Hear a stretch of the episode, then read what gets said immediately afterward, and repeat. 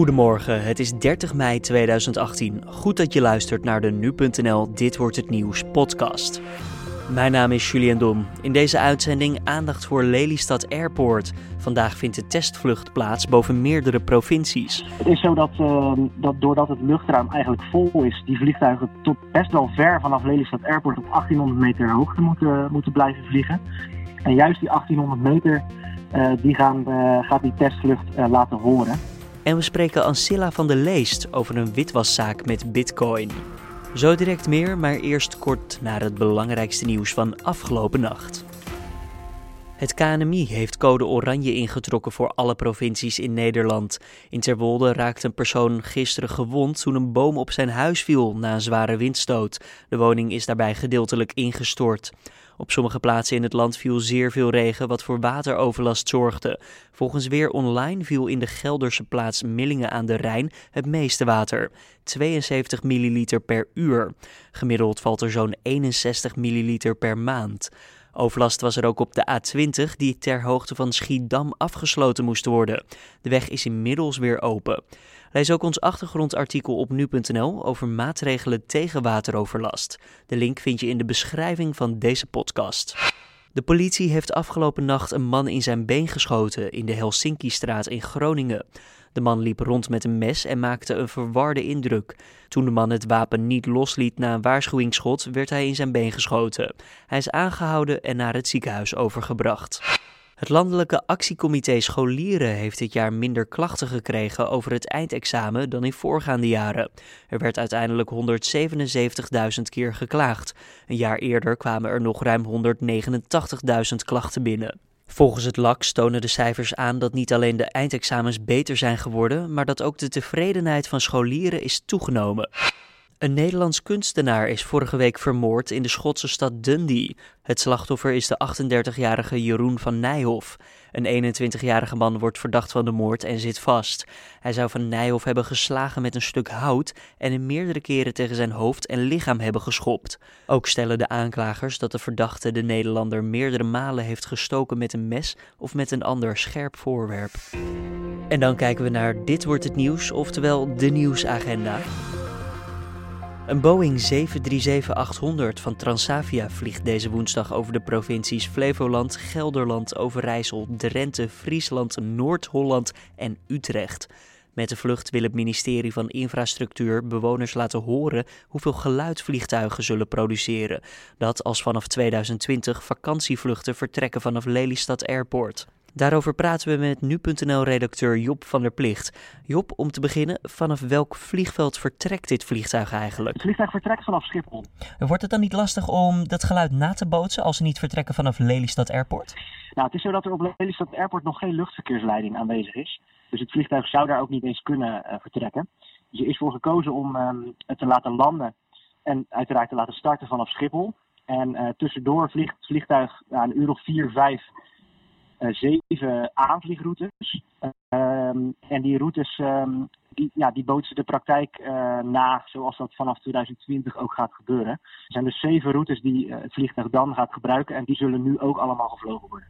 En ja, wat moet de testvlucht verder op deze manier aantonen? Want er zitten bijvoorbeeld geen vakantiegangers in, er zit geen bagage in. Nee, de vlucht is in het leven geroepen door het ministerie van, van Infrastructuur. En daar is voor gekozen omdat um, nou, omdat er best wel veel klachten waren over de geluidsoverlast die, uh, die de vliegtuigen vanaf 2020 gaan veroorzaken. Uh, en met deze belevingsvlucht, zoals het ministerie de vlucht noemt, ja, willen ze gaan aantonen aan, ehm, aan inwoners van de omliggende provincies van het vliegveld hoe zo'n zo'n vliegtuig nou eigenlijk gaat klinken. Job, waarom gaan die mensen niet gewoon naar Schiphol toe om daar te luisteren hoe dat vliegtuig klinkt? Waarom moet er een speciale testvlucht komen? Nou, als je op Schiphol uh, gaat staan en naar vliegtuigen uh, luistert, dan hoor je vliegtuigen die aan het landen zijn en die aan het stijgen zijn. Uh, daar, daar, daar heeft uh, Lelystad Airport natuurlijk ook mee te maken. Maar dat zijn alleen de vliegtuigen die dicht in de buurt van de, de luchthaven zitten, die aan het landen en aan het stijgen zijn. Het is zo dat, ehm, dat doordat het luchtruim eigenlijk vol is, die vliegtuigen tot best wel ver vanaf Lelystad Airport op 1800 meter hoogte moeten, moeten blijven vliegen. En juist die 1800 meter die gaan, uh, gaat die testvlucht uh, laten horen. En um, in verschillende gebieden in Nederland. Het is zelfs zo dat, dat op de Veluwe bijvoorbeeld dat ze daar last van hebben. Tot diep in de Veluwe hebben ze last van nou, dat, dat vliegtuig dat op 1800 meter hoogte blijft vliegen. Ja, wat van Schiphol, als ze daar opstijgen, dan gaan ze meteen naar grote hoogte. Dus dat is geen vergelijkbaar effect. Precies, inderdaad. Dan hoor je alleen maar vliegtuigen die, uh, die stijgen en die landen. En zoals je dat rondom Lelystad hoort. En verder, uh, verder is dat anders inderdaad. Omwonenden zijn tegen. Wat zijn hun argumenten daarvoor eigenlijk, Job? Nou, vooral het lawaai en um, de milieuoverlast die, uh, die de vliegtuigen gaan veroorzaken. Ehm, de vliegtuigen die gaan, um, doordat het, het, luchtruim nog niet is heringedeeld, uh, blijven ze grotendeels vliegen op een, een hoogte van ja, tussen de 1800 en 2700 meter. Is dat hoog of is dat laag? Nou, dat is best wel, best wel laag is dat. Als je bedenkt dat, dat die vliegtuigen die, op een, uh, die je in de lucht ziet vliegen met zo'n witte streep erachter, dat is op een, een kilometer van, en, en, op een hoogte van 10 kilometer. Oké. En een hoogte van 1800 uh, tot, ja, tot zeg maar 2500 meter.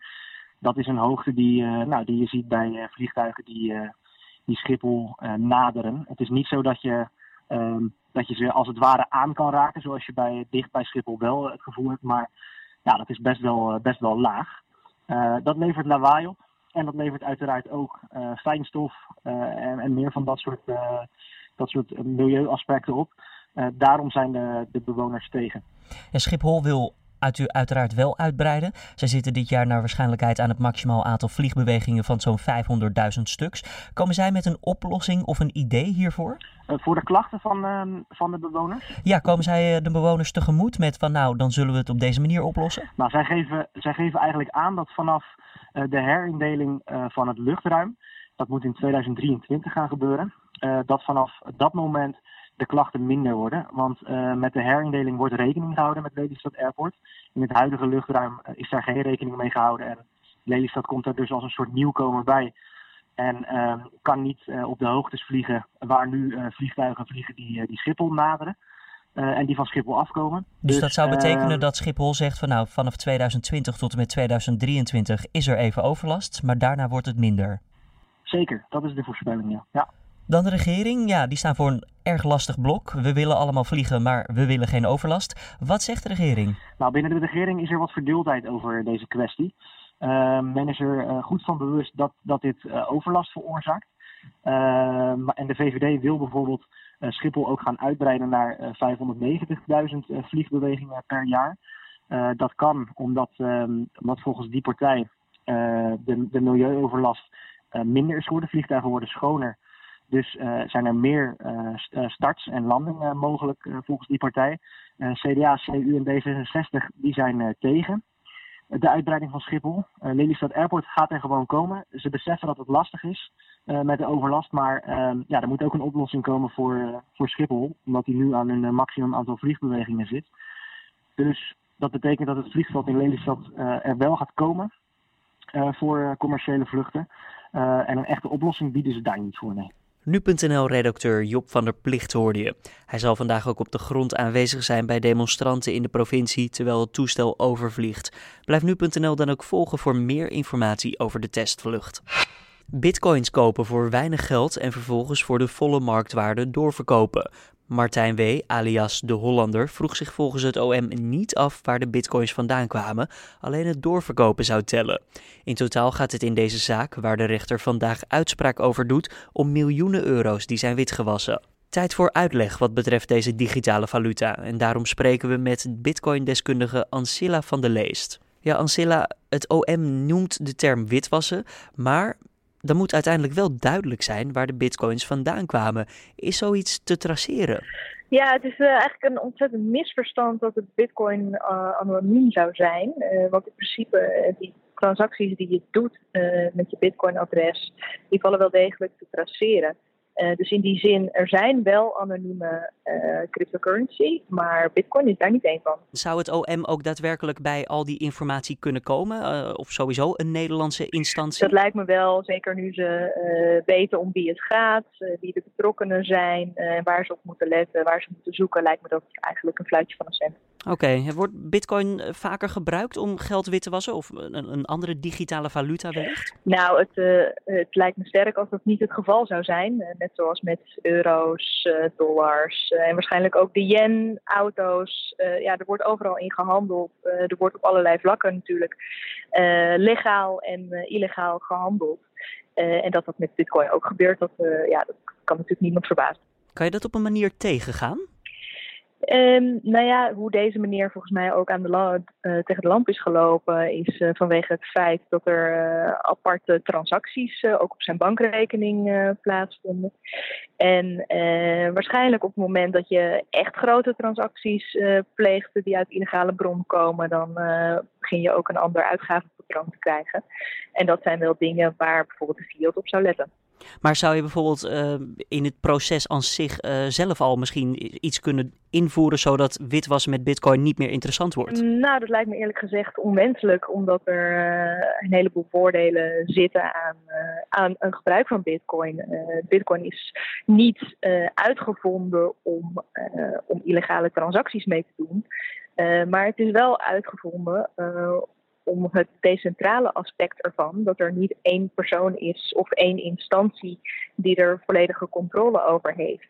En um, nou ja, zoals we nu ook zien uh, met de, uh, de, ontwikkelingen met de blockchain, uh, zijn er echt een heleboel handige toepassingen daarvan te bedenken. Um, Ancilla, deze man, alias de Hollander, die zei dus: Ja, ik weet eigenlijk niet of het doet mij er niet toe waar deze bitcoins vandaan kwamen. Um, kan je je indekken tegen gestolen bitcoin op een of andere manier? Kan je als koper sowieso wel achterhalen waar zoiets vandaan komt? Net zoals het OM waarschijnlijk nu gedaan heeft? Nou, de bitcoin uh, ledger, je moet het een beetje zien als een, als een kasboek. Uh, het is ook uh, encrypted, dus jij hebt een, een privé sleutel die alleen jij in je bezit hebt. Tenminste, dat hoop ik voor je, anders worden ze nogal snel gestolen. Ja. Um, als je die, die private key kwijtraakt, dan ben je hem ook echt kwijt. En dan ga je die bitcoins eh, niet meer zo snel terugkrijgen. En dat is ook uh, waar op dit moment een heleboel mensen uh, achterkomen, helaas. Omdat ze hun private key niet goed hebben bewaard. en opeens toch wel voor heel veel geld, ja, gewoon die bitcoins Ja, maar dan kom je vervolgens een paar bitcoin tegen voor eigenlijk veel te weinig geld op een handelsplaats. Uh, ja, waarom zou je dan eigenlijk zeggen, nee, dat doe ik niet? Ik bedoel, ja, daar kan je geld mee verdienen. Ben je dan strafbaar op zo'n moment? Nou, dat lijkt me wel. Kijk, de, de waarde van Bitcoin is, uh, is redelijk uh, vastgesteld door de markt. Je kunt op elk moment checken hoeveel een Bitcoin op dit moment waard is uh, op verschillende handelsplaatsen. En op het moment dat die Bitcoin die je aangeboden krijgt ver onder die ja, algemene waarde zit, kan je toch wel heel erg gaan afvragen waarom dat zo is um, en hoe dat, hoe dat zo kan. Is het nog allemaal goed geregeld bij de Bitcoin? Als ik je verhaal zo hoor, dan is er niet meer echt sprake van een soort wilde westen bij deze munt. Nou, Bitcoin is nu uh, echt wel in het zicht van, uh, van autoriteiten. En uh, nou ja, laten we niet vergeten dat het, Bitcoin inmiddels al lang niet meer de enige cryptocurrency is. Er zijn inmiddels nou ja, meer, meer dan duizend. Um, dus ja, inmiddels zijn er echt wel slimme koppen daarmee bezig. En, uh, en de politie en justitie doen natuurlijk ook gewoon uh, hun werk goed in de zin dat uh, criminele activiteiten nou in de gaten houden. En Bitcoin is daarin niet anders natuurlijk. Je hoorde Bitcoin-deskundige Ancilla van de Leest. Griekse vakbonden organiseren een algemene staking tegen bezuinigingen, werkloosheid en de in hun ogen te hoge belastingen. Hun boodschap is dat werknemers al voldoende hebben opgeofferd. Naar verwachting leidt de staking onder meer tot problemen binnen het openbaar vervoer.